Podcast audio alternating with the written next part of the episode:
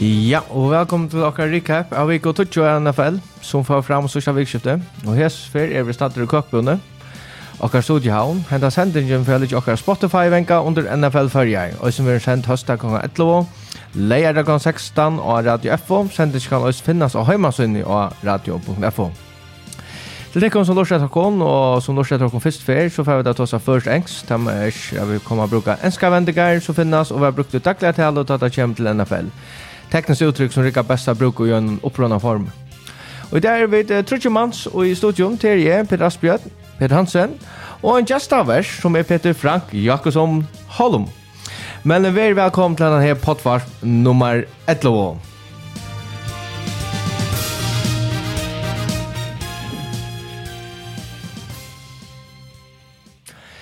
Ja, og som du kanske har och så är vi ett ontemannair ett lätt för en mån till uh, hinner AAR, AAR, trutjer AAR. Aknar, Arnar och Axel. Nörda truppe. ja, nörda truppe. Men vi får skra in i hentan till vi får ta in där. Och åt fakta. Skejar och så kan jag ta alla dystner men jag hade vi får hitcha ett ögon och dystning också eh uh, mer eller ta sång också när mer om en dyst eh som vill ända kalla det Oceanstist. Nej, det hade det den. Ja, jag ska köra bäst. Och så får jag snacka om eh jag får en power ranking eh från ja, just av version och spänt på av vita ta för att vara ta i on en affär ta för gång för henne och så får vi där gissa och så vis vi det har tog och ja för så tjocka så får vi möjligt att ta som turen till Peter i London. Yes, han går tur över det. Ja, men vi spår det så det är största podd, men vi kommer till det. men eh tog in där. Eh Statsavkatren i uh, DC har saksøkt uh, Washington Commanders, uh, Dan Snyder og Roger Goodell. Og ikke nok til at uh, Dan Snyder er også ja, jeg tar ikke at han skal selge Ligia, men uh, tar er alle saksøkt for å vilja at jeg har falska information till vias folk og folk annars om akärnar om uh, ta vanliga eller ta goa eller arbetsomkurve och känsliga happing eh och just när me too dövon. Och vi tog för eja inte med intöker. Det særlig avhåvert er til at uh, commissioner Roger Goodell er øysnir og. Ja, det var kanskje vant til at uh, Commanders og Dan Snyder blev akkurat i fire til, at uh, han stod oppe her og en pådgjørende for å si han visste ikke om nekka kan så igen blev blev bevisst att han var fullt vidare om det och han nästan aktivt har låt uje sån. Men det jag hade avhört är att Godell nu är Östen Rockharder för att för att hjälpa honom att gräva det under under golvtäppet. Det kan få avlökar för det han tycker vi som commissioner. Ska det Snyder bara sälja Commanders till Jeff Bezos? Nej, det är så släpper han släpper nog inte undan det ner allt till att man tar sig nog inte om folk till straff men det är pengar det Andreas jobb. Alltså kan få böter på eller så kan man kalla det. Men annars har vi ett uh, nio svapla kommenters här och det är onkrar som haltar vi varsin kommenters som norsätter sig på ett varsmål. Men uh, tar det ett överraskande ursle som vi kommer till uh, 17.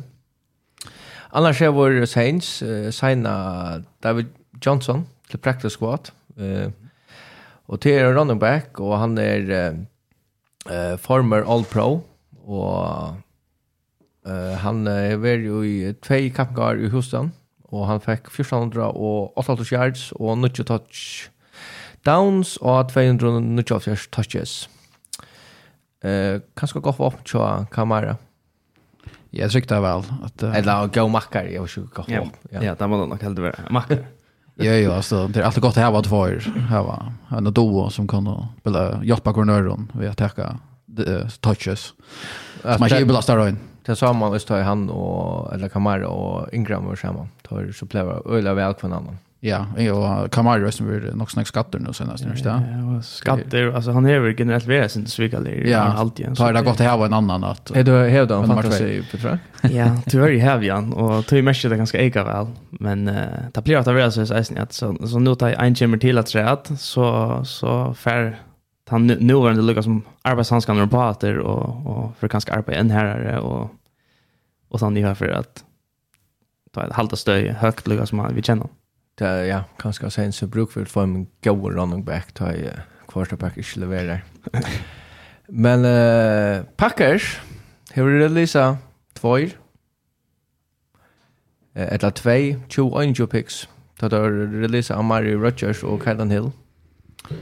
Ja, det er en wide receiver og en running back uh, som är blivit her, og tar tar själta fängta sen du är stort där vet Ja, Rodgers blev inte nog så dyr.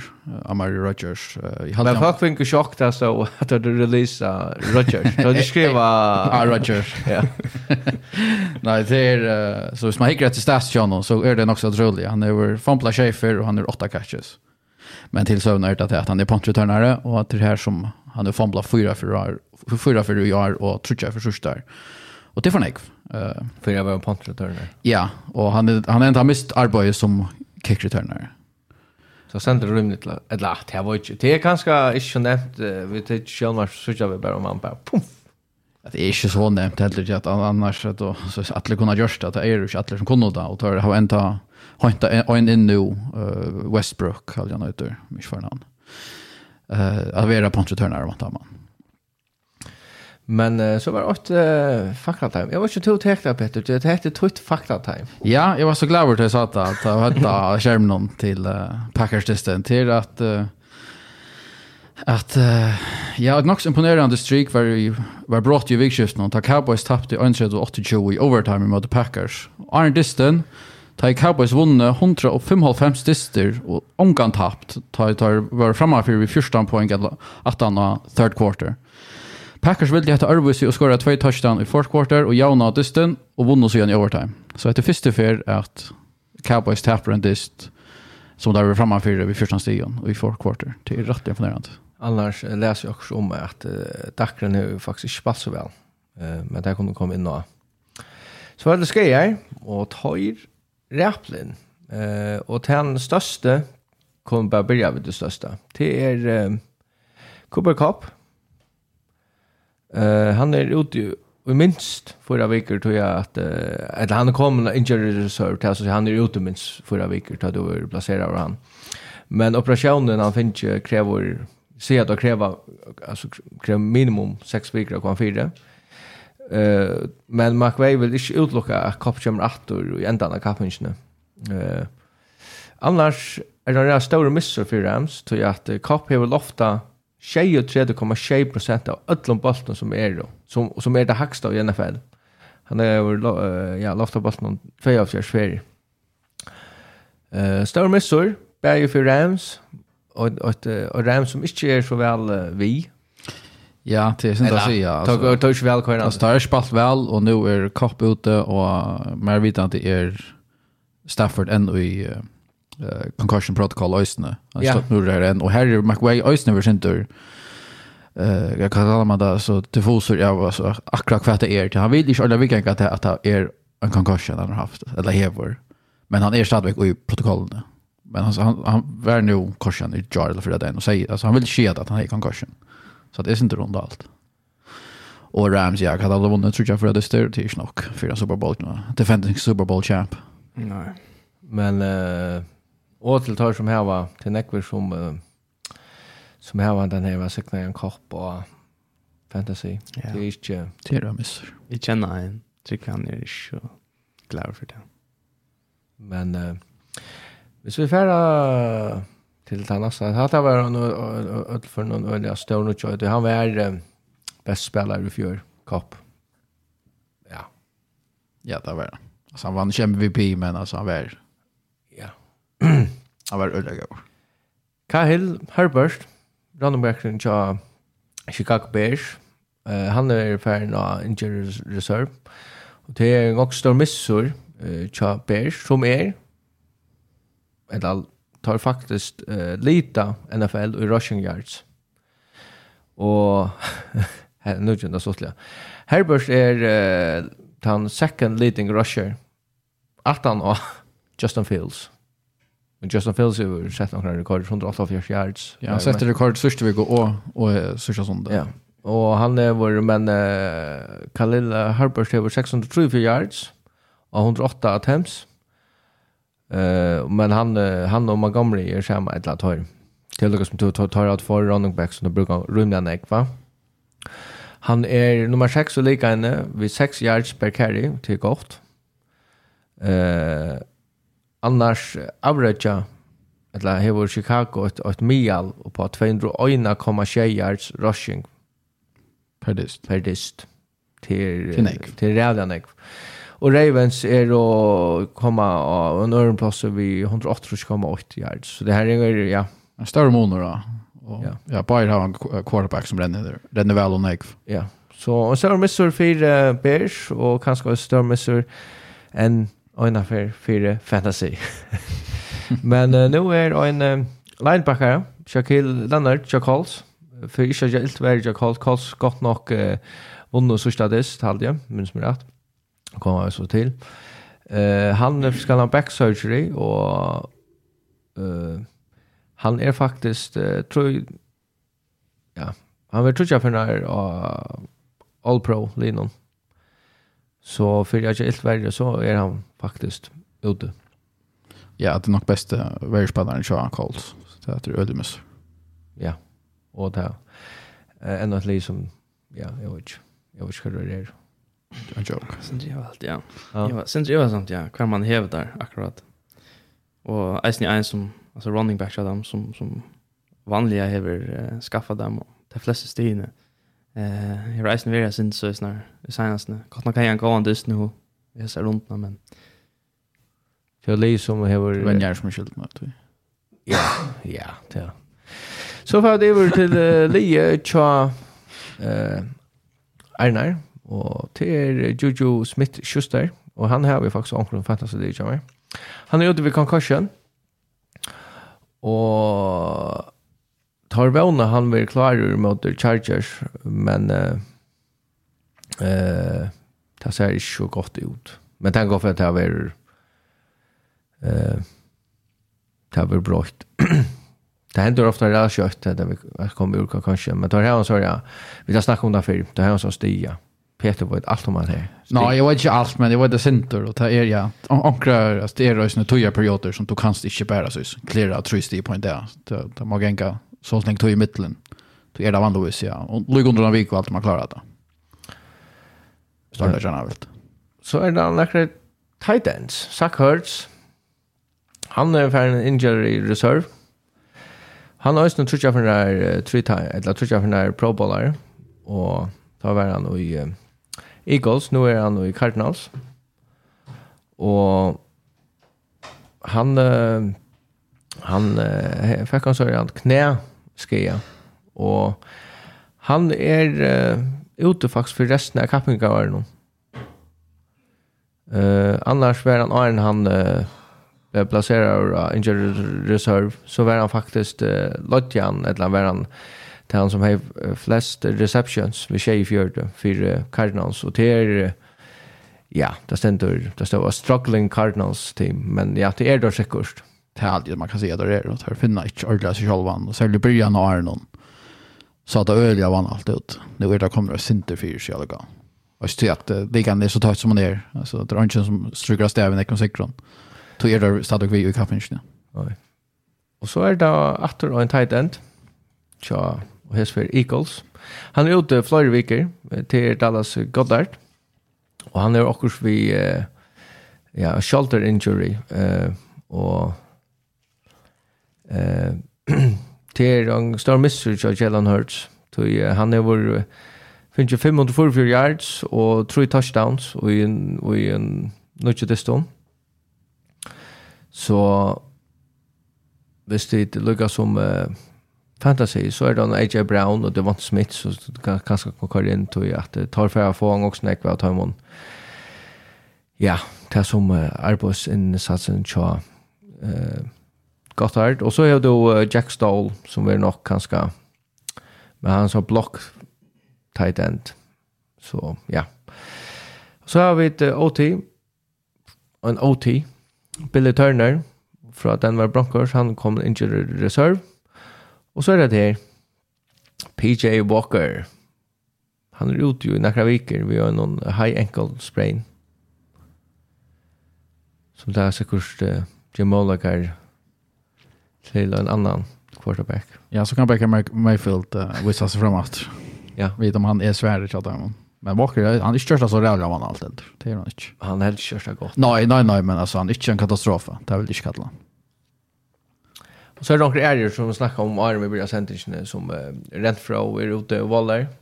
Uh, tja, Raiders. Och så är det noen, det är faktiskt flere quarterback som är hos oss, uh, ja.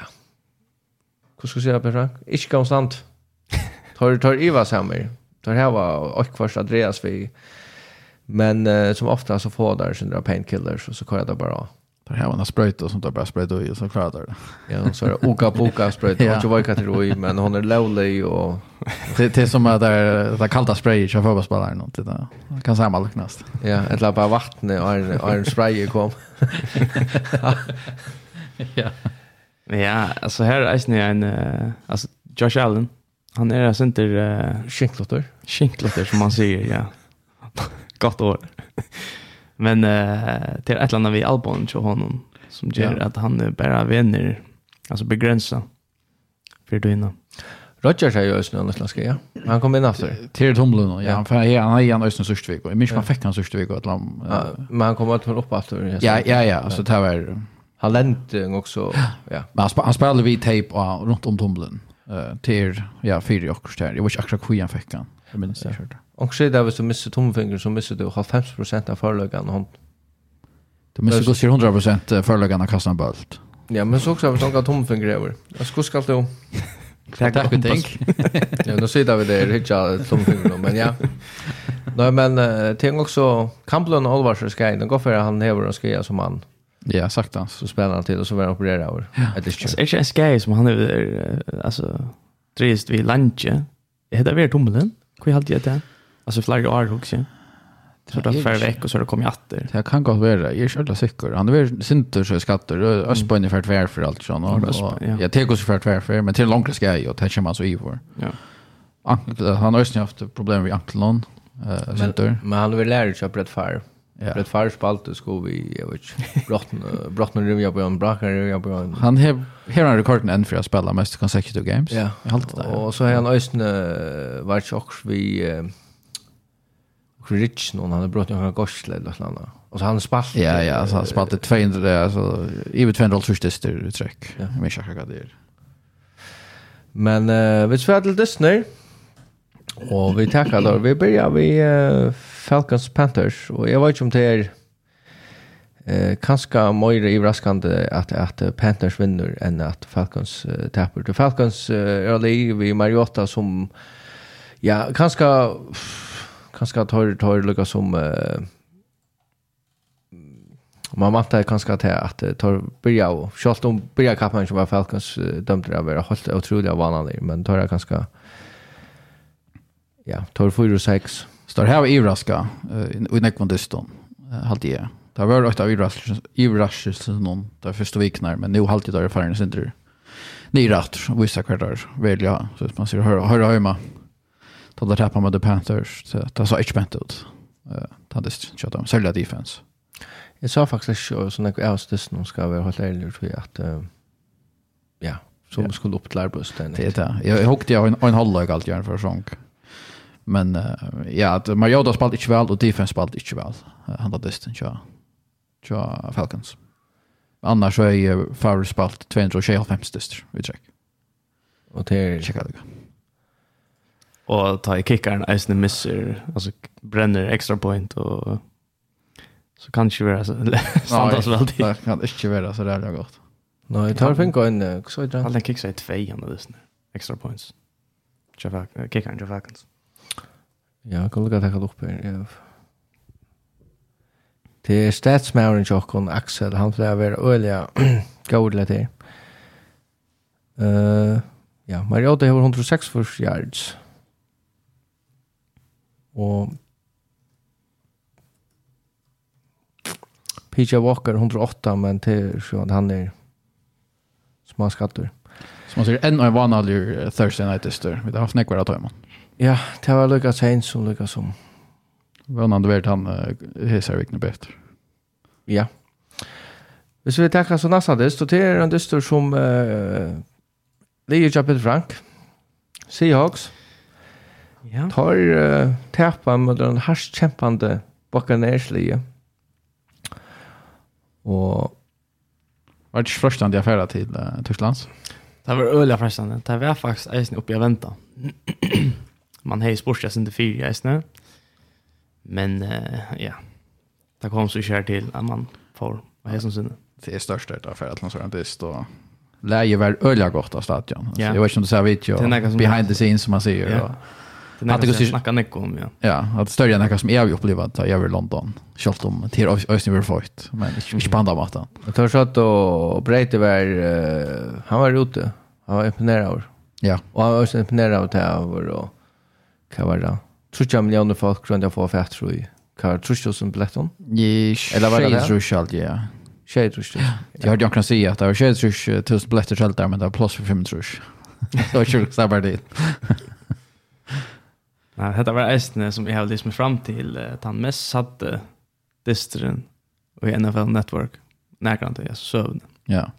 Men hur hur hur akkurat här? Vi var ju kvar kvitter som exakter men Hva gjør det att han ble sånn jeg må ha satt den? Jag vet inte kvitt det är men hur sån vill ha biljetter till er tror jag att Seahawks och Brady är det populäraste i förstand. Seahawks är det populäraste ligan här och Brady alltså Maverick är bara en levande legenda. Så att bli så var så chans till första det stösnen som är där och i helt dotto ölla väl och som man har lust att efter någon. att alltså agera som det gör i Amerika. Alltså vi att boa att det skulle boa och jobba att det skulle jobba. Det har alltid manglar sälja av Wembley Stadion. Så först fick ju schon en säljan AH vart den första kvarter. Nej. Men så exploderar Buccaneers vi två mån touchdowns och i öron kvarstör och så är det field goal till tre till Seahawks. Och så blev det knappt första 20 steg och i fjärde kvarstör. Eh och man kan så se att det är att eh Jim Smith har ju faktiskt en finansla. Han är uh, 3-2 till 3-3 eh 245 yards och två touchdown. Tische. Tisch var Nej. Jag hade att att alltså stövan men det var ju attan för vi alltså stövan var en ju tror ju på ett punkt. Ja. Och så knappt jag så färra där gångt. Och och jag hade ju att uh, Gino Smith så stabil som han har varit faktiskt i allt år. Ta lucka som eh vaknar han och i i sista korren Och där är det också tatt vi att komma faktiskt upp på syna eller för bara fram om Buccaneers men eh uh, Staffan för att Katuchi är linjen i östnö. Ja. Det är snö då helt åt. Ja. Jag hade faktiskt, ja, var det fumble, ja. Vi hade det, ja. Så han rann bara någon och, och en räkar och igen. Och så, ja, så. ja, ja. Men är det är så glad för att det är Gino Smith som ständer där. Han är för själva ses och så. Ja. Och i mån till Russell. Ja, ja. Alltså han är väldigt näkastan och han är bara väldigt som backup och lika som just där näkvar. Tidje vi lärare kan man kanske säga. Ja, Russell. Eh, nej. Men uh, Ty Russell så blev skatter så trackade jag han till och han gjorde det faktiskt helt okej. Okay. Eh, uh, men så i år så hade bara han är väldigt öliga, öliga stabil. Och det är faktiskt inte länge för att han häver högst passer rating av ödlen quarterback som är i NFL. Och jag är. Ja, jag, jag vet inte. Det är... Jag rockar ju onkel Kanada på ett nu. Ja, för tastatoriet igång. Ja. Men eh ja, ja, ja, det är ganska långt söva akkurat det här projektet som Seahawks är snir gångt vi. Ehm här man häver man valde att att, att trade Russell Wilson för några picks som faktiskt i det är ett två first round picks som Seahawks ska ha kommande år och ta in det så från Denver som är kända overall. Så kvar jag för när Denver Broncos tappar så, så klappar jag min smån hänt runt så vet jag vi får ett hacker pick nästa. Och vad är det Lucas som är vattnet och några är färra? För jag får några picks in. Nej, det rockar faktiskt inte vi. Alltså nu har man uh, Trada Wilson och Bobby Wagner, Bobby Wagner är sin färden. Eh, tycker man häver om man finner faktiskt som de flest eller som experterna säger Att uh, man ser Luigi i mitten spelarna som är draftade eh, nu senast och helt attrita ta i 2012 eller 11 12 eh alltså en go draft class som det säger.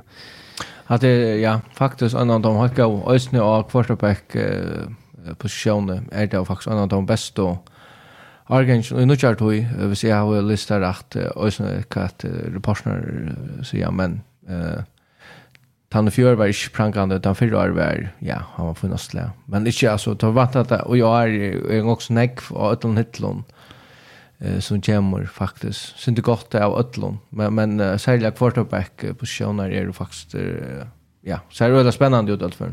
Ja. Vant at du at du rønner etter en quarterback? Det tycker vi faktiskt inte att göra. Jag tycker att det var Gino Smith en, en större kontrakt som inte är uppe i här klassen, klassan. Men, men uh, som, som tar de flesta quarterbackarna få i det. Men, och så väl man har hållit på han i ena tid. Hjalta, han ligger nummer fyra här så jag vet. Eh två ligger nummer 8 och så Patrick Mahomes och Josh Allen och så. Ja ja, ja. Så Gino. Han är fallna synd. Han är kanske ganska synd. Jag vet han helt. Ja. ja. Jag det visst då kan jag tror fyra viknar. Ta han kanske inte topp alla viknar men 8 och 2 gosse. Eh men att det gosse gå quarterbacks samma liknande så vi. Tälj. Ja. Samma måste säga. Ja, og så kommer vi til, uh, ja, her til dysten og Arnon. Uh, her og uh, og Vikingsli uh, fer ut, on the road, møter en noen uh, Billsli som faktisk uh, begynner å sitte ved mer og mer pressa. Uh, og Vikings vinner.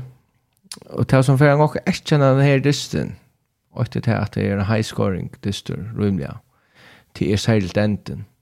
Alltså en Overtime. Alltså han var bara för längt ute. Men så tack och jag kom där så. Stisna vill det bara ända.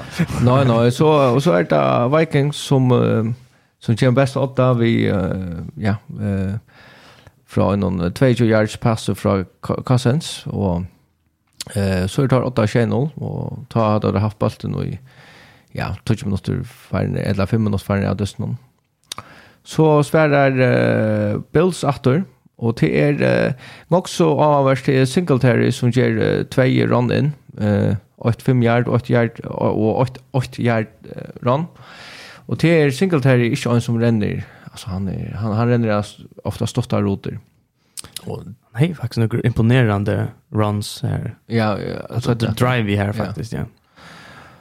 Och så är uh, knappt jag uh, Buffalo tar det framför så första tjej. Och second quarter till malen en annan malen. till på engine hamrar bara in till kapacenta Sejan eh Sejan tjej eh Tyler Bass för för för yard field goal. Så svärar Vikings åter. Eh vi är en field goal där. Eh och när ja, schemen och sånt nå så är det Gabe Davis, som fær et 11 år pass fra Josh Josh Allen, så er det oppe i 24.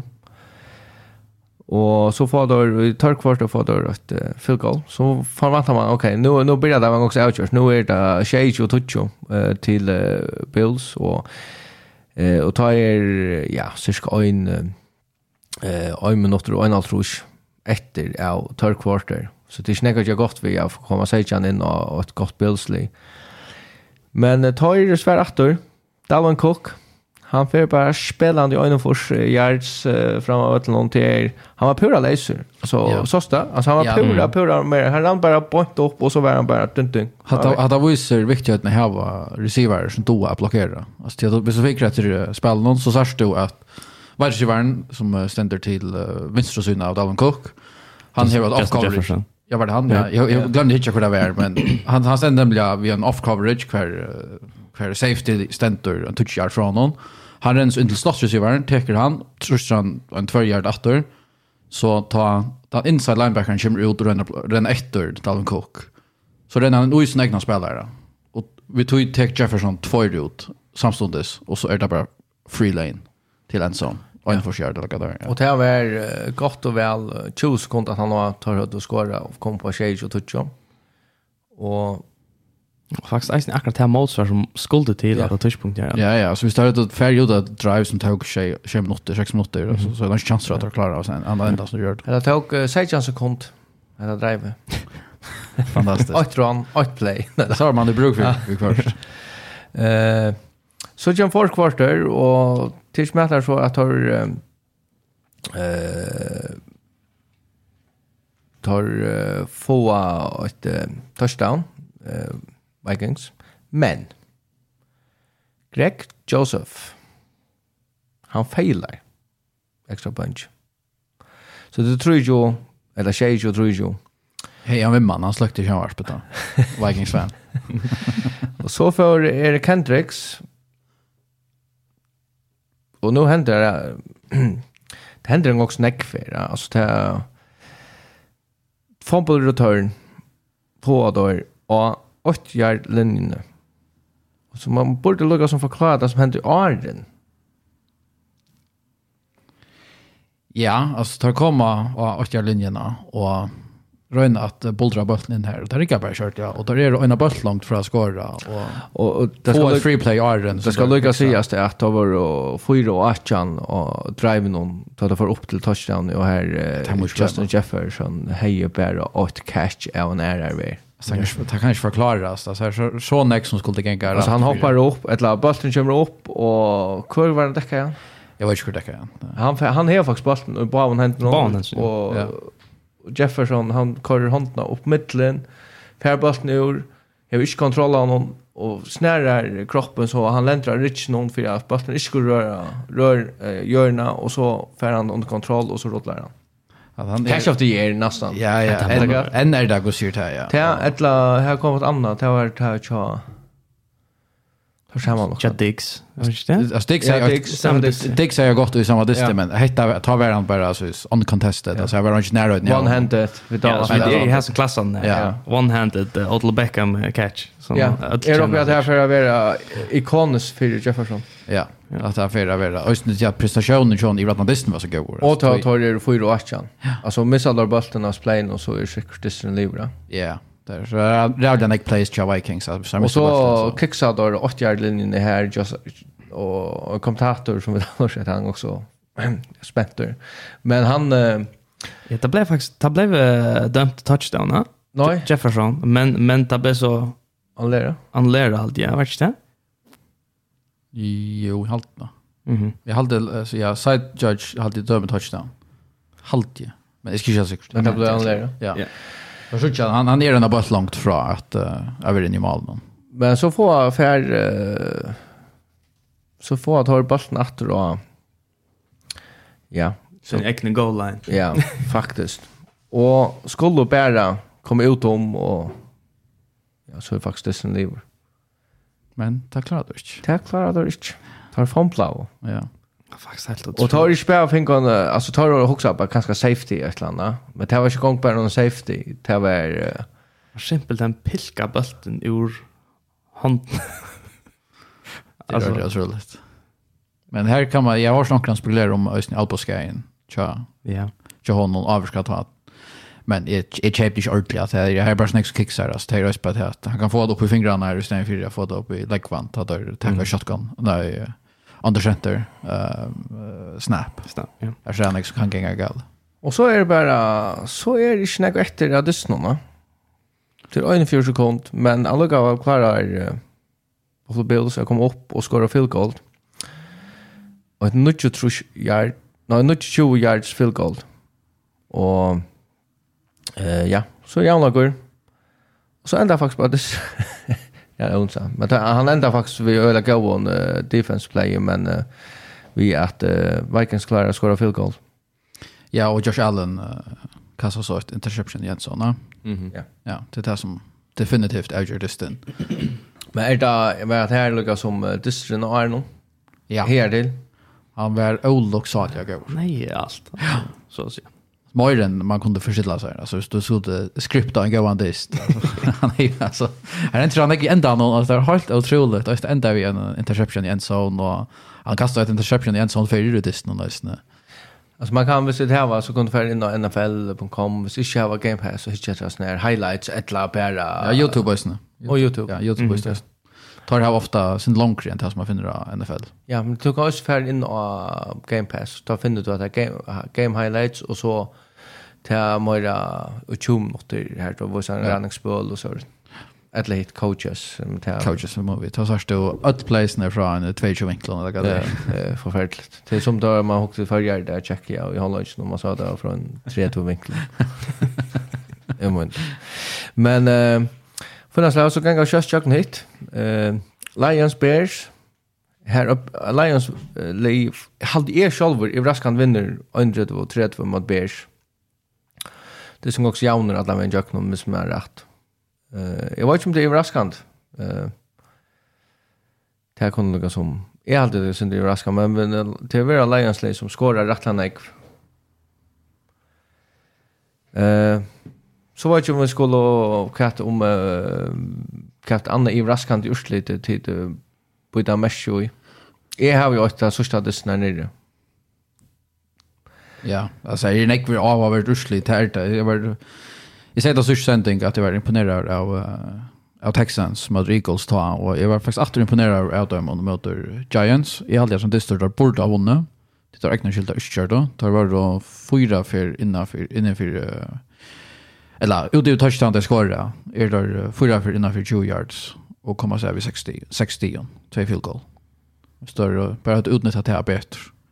Då jag väljer en charge Giants så inte gå ut här. Spacera om man nian hade jag uh, Giants in till hade jag ser 25 yards eller 30 yards ska det vara. Ta börja i defense och spela sin bättre och ta klara kört rätt. Att utnyttja det. Uh, så Texans vant i för att vinna när det styr nu. 12 för tar halva av og brown seg, men det var ikke tar halva, av, så det var bare, det var faktisk en fin distro hittet. Det kunne så være distro, det er det ja.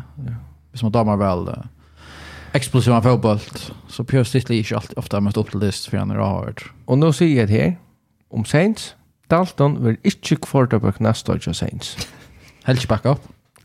Han vil ikke inn i roseren. Han kan skal ha practice squad.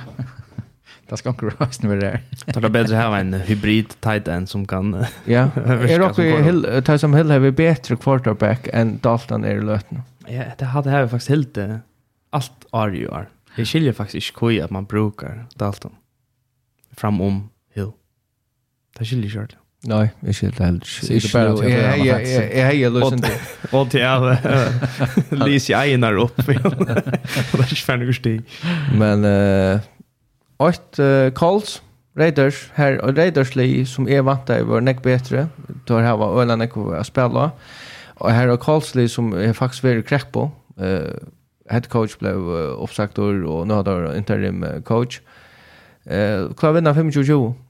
Ja, där kanske det här mest ovanta urslit i alla fall. Charlton Raiders var vunnit för Lister som är ju var rätt omfär kjolt var en ekv och vant. Tar vunna 25-20 och tar du snäxa. Och tackar shot Cowboys Packers. To. Gå sig. Tippa i Packers att härpa. Ja, det rycker jag mot Lions. Att få steg här i picks. Var när jag efter. Nu har vi haft där vinnarna som kvar för Iron Lions distan. Men tar vunna så och till jag glad för det. Ja. Och Rodgers som var faktiskt gamla, han glömde att lyssna av det som vi känner Rodgers av era. Och han hejer och en nutjan mann til som ikke har tidsen, han er tidsen, og til ødelikan er jo i fantasy är han tidsen til Watson. Han er, han, han spalt faktisk, han var faktisk, han imponerad. Ja, nu visste han endelig at det som Packers uh, draftade han fyra, och TV speed, alltså, så han kunde tacka sig go routes och bara... Ja, alltså är det ändå pickande och till likan vidare Ja. Här från han artiklarna. På så ungefär så Ja, jag lät tacka han till sörst vikon. Jag säger det vi Axel, men jag glömde det att ha. Och det var sånt. Jag säger det sen så att du bättre tog jag inte. Jag vant att det här var distan kan slå till och han fick jag vet inte var, Holst det eller hva det var. Och som det så att har då Cooper Cup ute. Och inte för katastrofa men uppe störka så tar tappt oss Cardinals hemma. Shage och Sejan. Så man måste säga är faktiskt nu börjar det vara kris och köra Rams. det är var väl. Ja. Så det tar kommer ju nästa nästa playoff till. Det tar ju sign off på. Tar spela förvandligt och på alla positioner och värjan för helst det stoppne som är nej. Det ska så hållhjärst allt. Ja. Ja. Men jag tar det inte ordentligt att det ska trötter.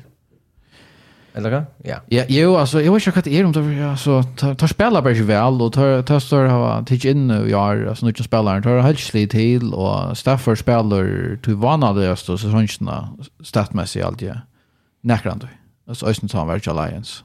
Det har läst Jungstanis. Jag minns inte statsen i hötten och vad det var, men, men det är, ja, det är inte väl till här. Och det manglar kanske synd att jag som jag var kanske Rodgers för. Jag var en fire och isär som det också är mer.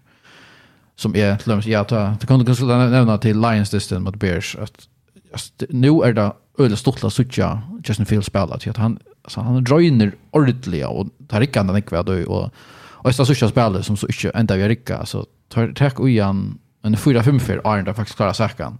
Till han bara vill stanna uppe. Och det sa som jag saknar från Sergio Rogers. Mm. Alltså viljen till att vinna. Han, man skulle ha sett oj honom. Han också, nej. Det är ganska. Jag hoppas det. Alltså jag hoppas det. Det här ska till för att klara playoffs. Och nu är det där 4-6 och tar kräver nästan att vinna rest. Men tar gör det för 16. Tar var det 4-6 och vann. Så sista åtta det snarare ända i NFC Championship. Som då så tappade, men alla var mot Seahawks halt ju. Mm. Halta. Men uh, Chargers och 49ers 16-2 till bara bästa nämna att uh, 49ers vinner vid Jimmy G. CMC just nu. Mm -hmm. Han uh, han uh, ser ut till att han fått väl till tja 49ers och till fantasy-spelaren. Jag har alltid han ryckan bättre här än Och det gamla Leon någon jag säger tror jag att han är ju en fox alltså är nek folk så, han är en bättre lie kan jag i alla i alla rosarna John. Men som rosinan och pilsändan sista distur. Det där lie som är 8-0 spelar mot det till Linus vita att det skall inte vara fyra fyra fem åren. Som vi har sagt att har bara vanlig. Commanders. Tyler Heineken. Spelar av Hynandes, tar vinna 2-3-1-2, tar faktiskt, jag sier inte halva, Eagles, ja, man tar rattla i vad han ja. sier. Ja, alltså run defense tja Eagles var inte existerande, och Brian Robinson var öliga gåvor, och ja, så er imponerende jeg suttje han, altså, jeg tar, tar vore av stedet noen, tar akkurat, nå må vi igjen, røynda takla, det rigger bare ikke, altså han, han bara raktar, da vekker etter, rann vi gjør. Alltså det var så ofta att det hendte, og det var øyla imponerende, og det stått la suttje att man har såna power research det är snack running back som då att jag i NFL på nu. Näck vill alltså ta det först är då teckner så så är det nere och bra Det till rulla fire det där kan och så som då att bara bultra jerk någon. Och till alla er kon till. Ska ta det sjön där då ska ta power ranking. Ska ta power ranking först. Jo, är det spännande på så power ranking. Ja. Och till är Peter Frank och Peter Frank Det som det räver om. Ja, fortell nu. Nu fer och jingla gång. Nå jingla. Monday Night Football Team. Kan jag kalla den jingla. jingla. Det är musiker. Og til hon er om något tvei 24 sekund. Vi tar ikke vant, snackar du. Men vi tar ongan du fer i färg. Men vi tar onkan enda åren. Og det er ofta er vi enda point A alltså klockoslän og ta en ändar. Och ganska Lucas 5 sekunder är rent till att alltså så för Lucas kost så jag mer långt fra och så. Ja ja. Jag ska röna. Nej nej, men det är flash slash där. Och det står kicksar så vet jag att Arnar var så glad. Kan nog ta som den nästa vecka trick. Men ja, jag tänkte här och så tar det på nyår. Ta börja ta prata. Man kör Luka. Vi kör Luka om 5 sekunder där. Okej, ska jag introducera för skvärt det ska Jenna Power Ranking. Det kan stå gott. Ja, det kan så gott. Ja, det är faktiskt en quarterback power ranking. Okay, Top ja. 5. Tar det känner jag. Ja, okej. Ja, hva er det? Inte nødvendigvis MVP. Nei, nej, nei, nej, faktiskt. Nej, det passar. Så jag tar ett tempo ner här så du kan sitta ett fingrun kör så kan du börja. Yes.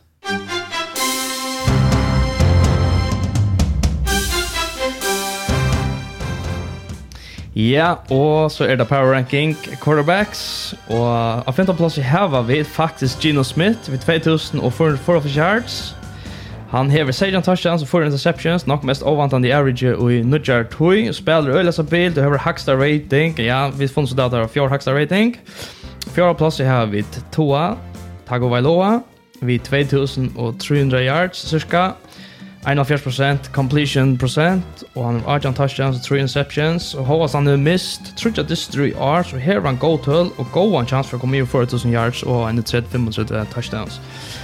Trea plasser, Jalen Hurts, 2200 yards, 14 touchdowns, 3 interceptions, super go tøl vi vujjan passing, rushing. Han er en MVP-kandidater og kommande programmet jadda må suttja faktisk nok latt ut. Josh Allen, earn plus 2200 yards, 35% fullført kast cirka, 20 touchdowns, 20 interceptions, og Josh Allen er Josh Allen, en top quarterback, men Mahomes er tryggare og fair Mara Bursur ur. Og tog har vi eisen Patrick Mahomes og fyrsta plasset vid 2900 yards. MVP for Ritter by no, mest touchdowns og mest yards.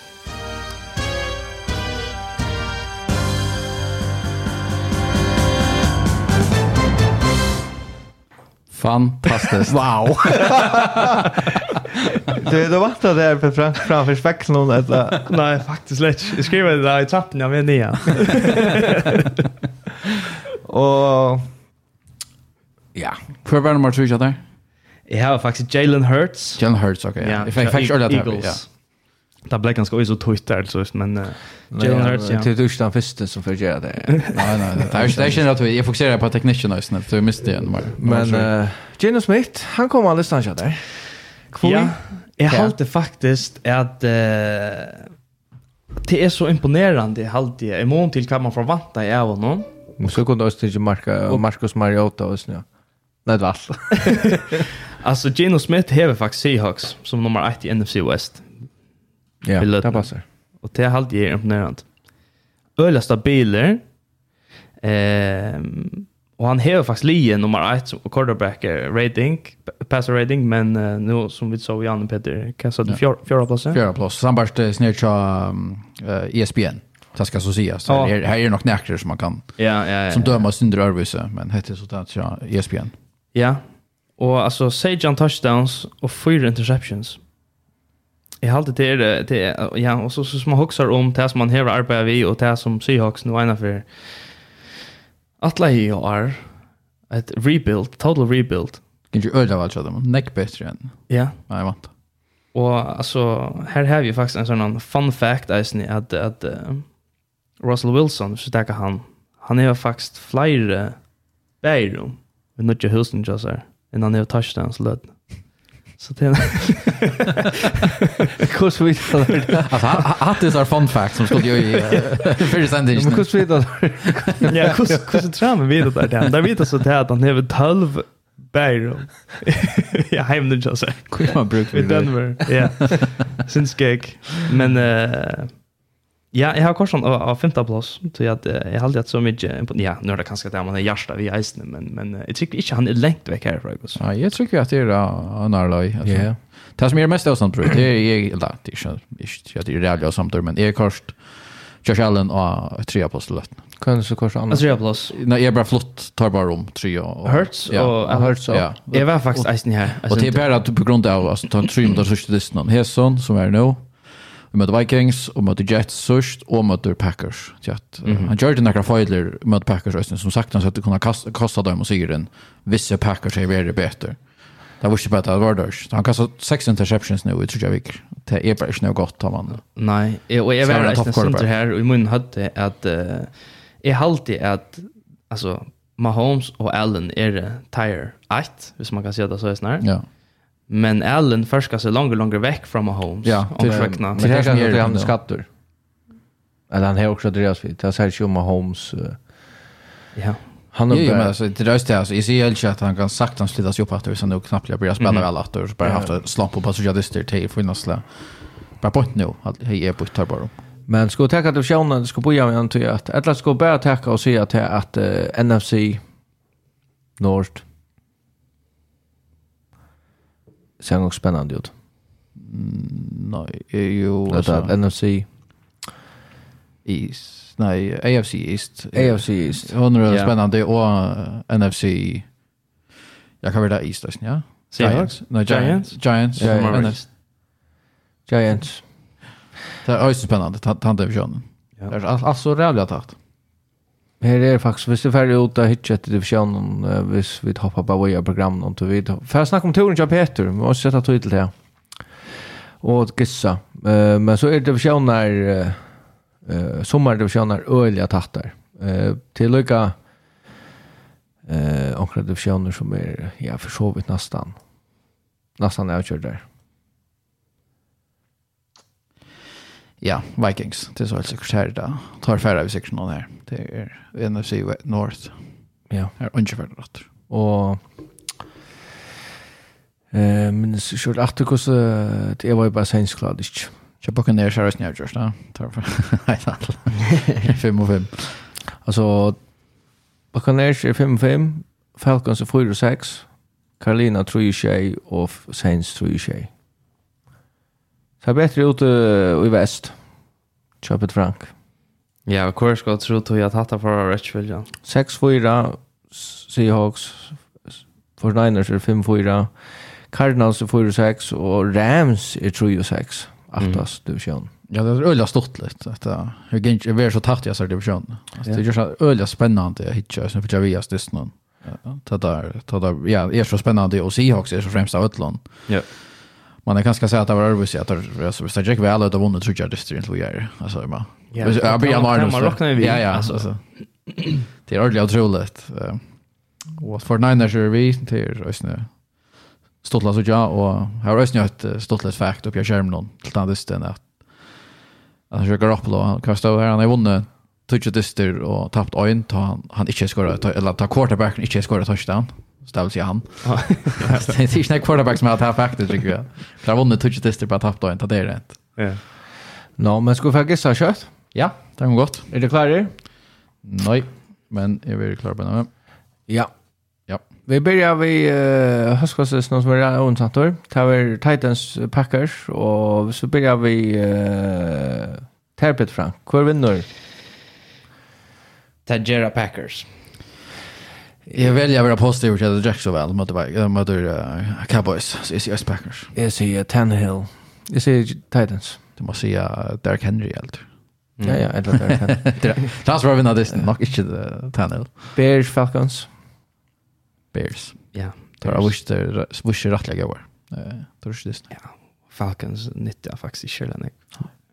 Jag är alltid med divisionen. Jag säger Bears. Panthers, Ravens. Ravens har hemma, vet?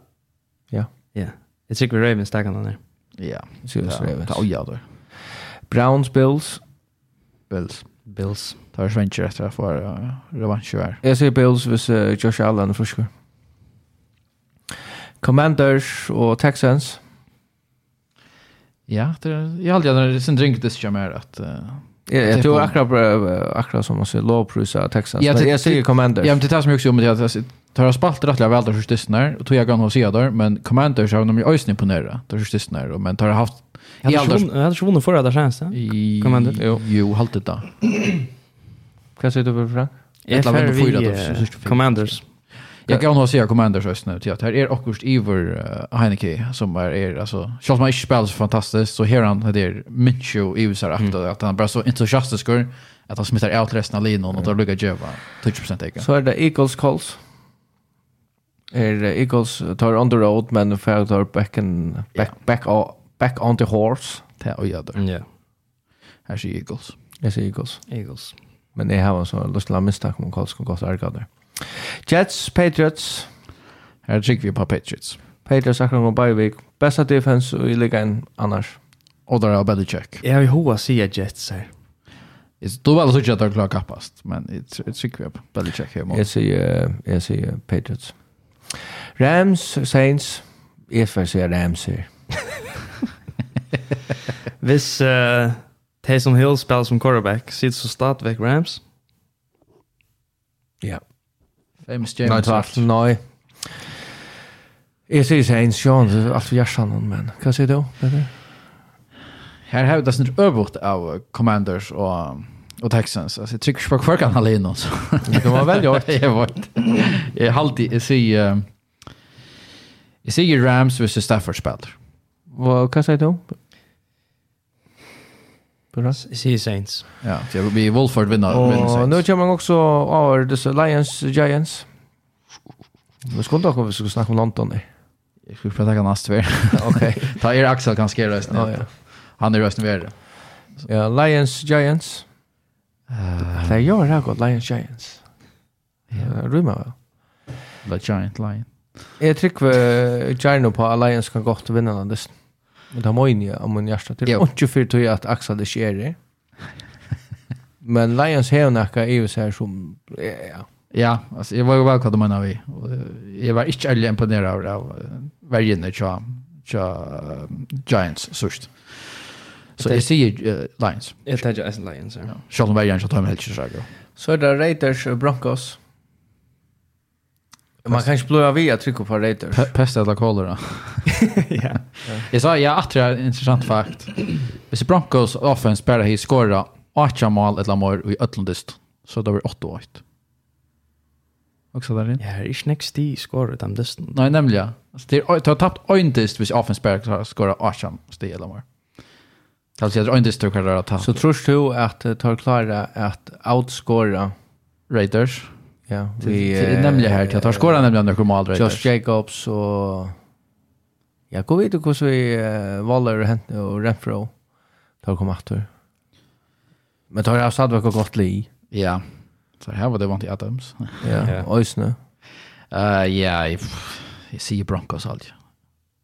Hva sier du? Ja, jag tar jag tar meg så ytla Broncos ska vinna. Men... Uh, jeg ser Raiders. Derek Carr. Jag tror...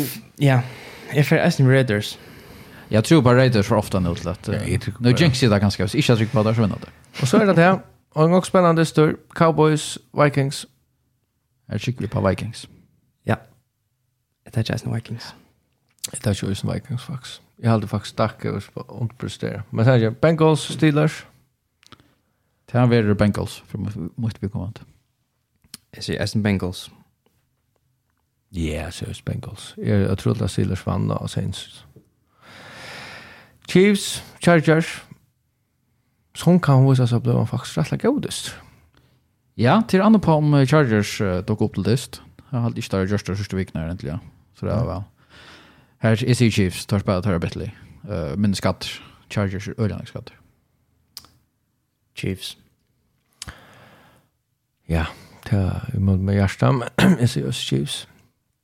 Och så är uh, Malakos dysten. 49ers, Cardinals. 49ers alltid. Jag är alltid ästare för störst. Jag lägger han till. Det är första bilar. Ja. Alltid. I alla linjerna. Alltså i ödlen. Simon fastnar av fotbollen som man tar sig om. Helt du det att Torr klara att uh, stäcka Kalamari? Ja. Det tycker jag. tycker faktiskt väl att han klarar. Ja, alltså han är, han är inte vurst sig en halv i år att han klarar att spela fotboll i fyra quarters. Inte nu kanske Arizona ska steppa upp. Ta modar, alltså ta modar visst skulle vara något. Jag säger jag säger Cardinals till sig för Schneiders för. Ja. Ja, men uh, det som är avhavst det är att vi får mötas efter nästa vecka. Ta för kanske ta som London turen jag Peter. I hopp då. men uh, vi uh, tar tror i på. Vi får tacka för Jokon. och kanske onkra ta mon tre mon a i någon komma men kanske inte akna akna bor den men han kanske per telefon han är annars checka nu men jag tar det alla viktiga herrar det bara vi som han går flyt vi tror ju pen och komma och komma halta skansen no men uh, jag tackar Peter Franka att uh, du har sig Sjálfur, tusen takk for det, kommer Ja, tusen takk for det. Seahawks-fan. Alltid. Alltid. Du vil kanskje bli over via nærfør. Ja, här är det något snack om annars. Men Peter, det här var allt för det. Ja, efter jag bara säga vi tar mer att ena för nästa vecka. Och Potteren, så det har vi lagt det ut hösten i Atlant. Atlant, kör köra.fo. Jag får akkurat som det så slut. Kan det vad jag säger? Ja. P out. så peace out.